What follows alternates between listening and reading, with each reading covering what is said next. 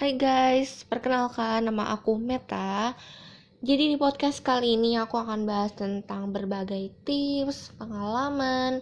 Itu pengalamannya baik pengalaman pribadi aku dan juga orang-orang sekitar aku seperti teman, saudara. Dan aku harap sih dari pengalaman-pengalaman dan juga tips yang aku share ada pesan ataupun makna yang bisa kalian petik. Dan inilah podcast aku. Semoga bermanfaat dan selamat mendengarkan ya.